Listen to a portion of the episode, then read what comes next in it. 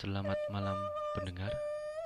Kembali lagi bersama saya Aswin di podcast Horror FM Seperti biasa saya ingetin untuk follow Instagram podcast Horror FM Follow juga Twitternya. Kalau pengen kirim cerita bisa langsung DM Instagram, Twitter Atau bisa via email di podcasthorrorfm@gmail.com Untuk uh, untuk episode kali ini uh, inisialnya ini pakai inisial ya karena narasumber minta disensor itu namanya sebut saja Mas Zain Malik yang suka One Direction pasti tahu lah Zain Malik itu siapa Oke, sebenarnya juga pengen sih saya pembukaan tuh fun gitu kan. Halo, rame gitu. Cuman yuk pemane. Namanya podcast horor, jadi saya pasti membawakan dengan nada yang sedikit rendah dan gak ceria. Seperti itu ya. Oke, langsung saja ke cerita berikut ini. Pengalaman pribadi dari Mas Zain Malik buat uh, teman-teman yang biasanya nongkrong sampai larut malam atau pulangnya sampai dini hari. Ya, semoga tidak terjadi pengalaman seperti Mas Zain Malik ini. Sebut saja Mas Zain lah ya. Kayak gitu. Oke, langsung saja episode ke-11 Sepulang Nongkrong dan selamat mendengarkan.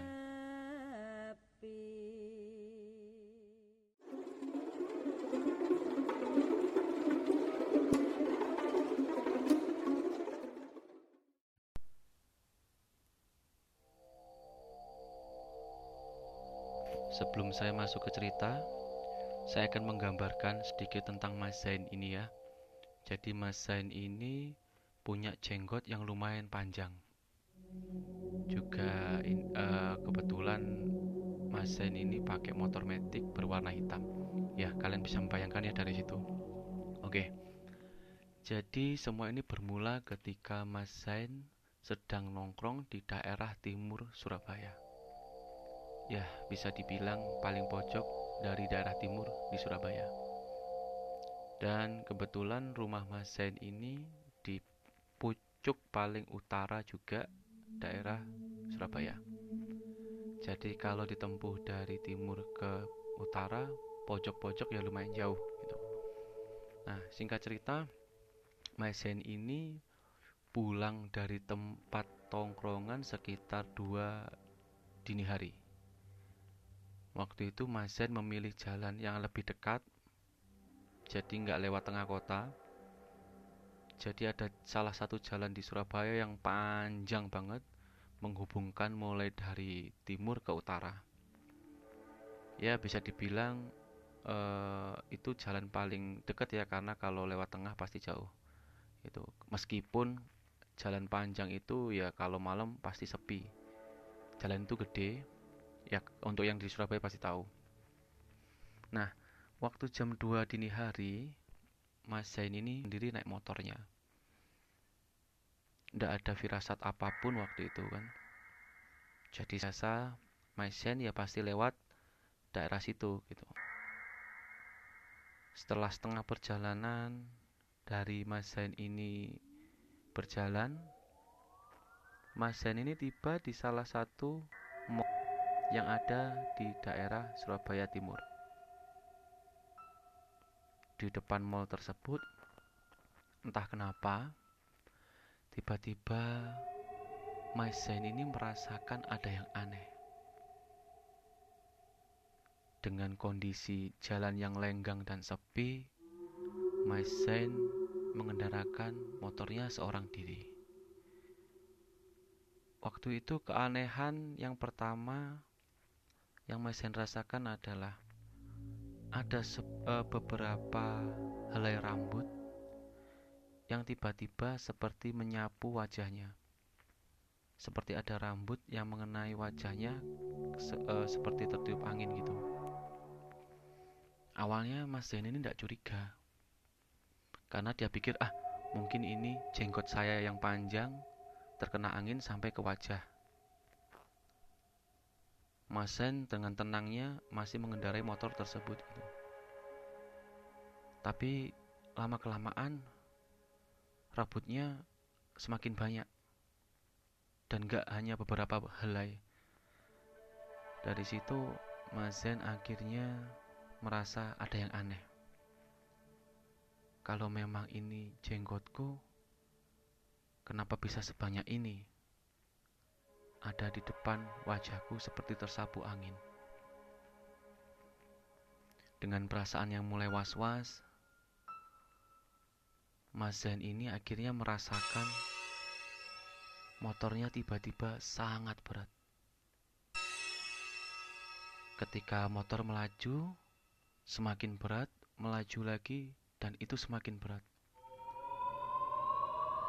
Sampai pada akhirnya, Mas Zain ini berhenti di salah satu kawasan tersebut yang di sekitarnya banyak rumah-rumah mewah. Masen curiga, kok makin berat ya? Akhirnya memutuskan untuk berhenti. Di situ Masen benar-benar merasa merinding banget. Karena menurut dia itu hal yang gak wajar. Yang pertama rambut itu tadi bisa sampai ke wajah dan motor yang tiba-tiba terasa berat. Masen akhirnya memberanikan diri untuk berhenti di jalanan yang sepi. Ya mungkin untuk mengecek motornya atau sekedar ngecek ban atau banyak gembos atau motornya yang lagi error gitu. Tapi sebelum Mas Zen ini mengecek motornya, Mas Zen merasakan merinding yang amat sangat. Dan tiba-tiba rasa takut itu menyelimuti Mas Zen benar-benar nggak bisa dideskripsikan ya. Jadi benar-benar takut gitu. Nggak tahu kenapa tiba-tiba badannya juga terasa berat waktu itu. Dirasa semakin takut akhirnya Mas Zain ini memberanikan untuk memutar spionnya menghadap ke belakang biasanya kan spion menghadap ke jalan gitu ini menghadap ke bangku belakangnya karena Mas ini merasa bahwa ada yang aneh gitu kan. Dan setelah dia putar itu spion menghadap ke bang uh, ke jok belakang motor, tiba-tiba Mas Zen melihat seorang wanita berambut panjang, berbaju putih, duduk miring posisinya Wah, di situ Mas Zen benar-benar takut banget. Badannya seketika kaku. Selama satu menit gak bisa bergerak karena dia takut harus berbuat apa. Sedangkan jalanan begitu sepi dan gelap waktu itu. Untungnya nggak berselang lama, tiba-tiba ada patroli dari perumahan tersebut yang lewat menggunakan mobil. Dan akhirnya patroli, bapak-bapak patroli tersebut bertanya, dari arah seberang jalan ya. Mas, ngapain kamu? Kok berhenti di situ malam-malam?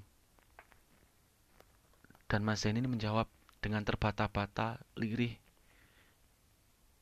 Pak, tolong saya pak, pak tolong saya pak. Seketika itu uh, satpam dari perumahan tersebut mendengar ketakutan Mas Zain. Akhirnya Bertanyalah satpam tersebut, kenapa mas? Kamu habis kenapa? Uh, ini ya, dikejar begal ya, kata gitu. Bukan pak, wis pokoknya tulungan aku gitu. Bukan pak, wis pokoknya, pokoknya bantulah aku gitu loh. Pokoknya tolonglah aku gitu. Nah, waktu itu langsung Masen bercerita bahwa dia baru saja ngebonceng kuntilanak. Dari situ langsung satpam dari perumahan bilang, sudah mas gini aja, motornya dibawa teman saya, masnya masuk mobil, ikut kita ke pos, tenangin diri dulu. Waktu itu langsunglah uh, Mas Sain ini bergegas ke pos untuk menenangkan diri. Sambil menenangkan diri ini, Mas Sain akhirnya minum segelas air putih.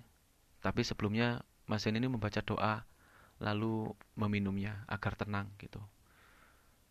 Dan Pak Satpam ini menjawab, mending balik jam 5 aja waktu subuh. Dirasa Mas Zen ini masih takut, Mas Zen akhirnya memutuskan untuk balik jam 7 pagi. Itu saking takutnya dan tidak mau kejadian itu menimpa dia lagi gitu. Dia takut banget ketika pulang jam 5 pun nanti akhirnya ngebonceng lagi kan. Jadi Mas Zen pun memutuskan untuk pulang jam 7 pagi. Singkat cerita, akhirnya Mas Zen ini bergegas pulang pada saat jalanan ramai dan menunjukkan pukul 7 pagi. Nah, dari situ Mas Zen lega dan akhirnya memberanikan diri untuk pulang. Sekian.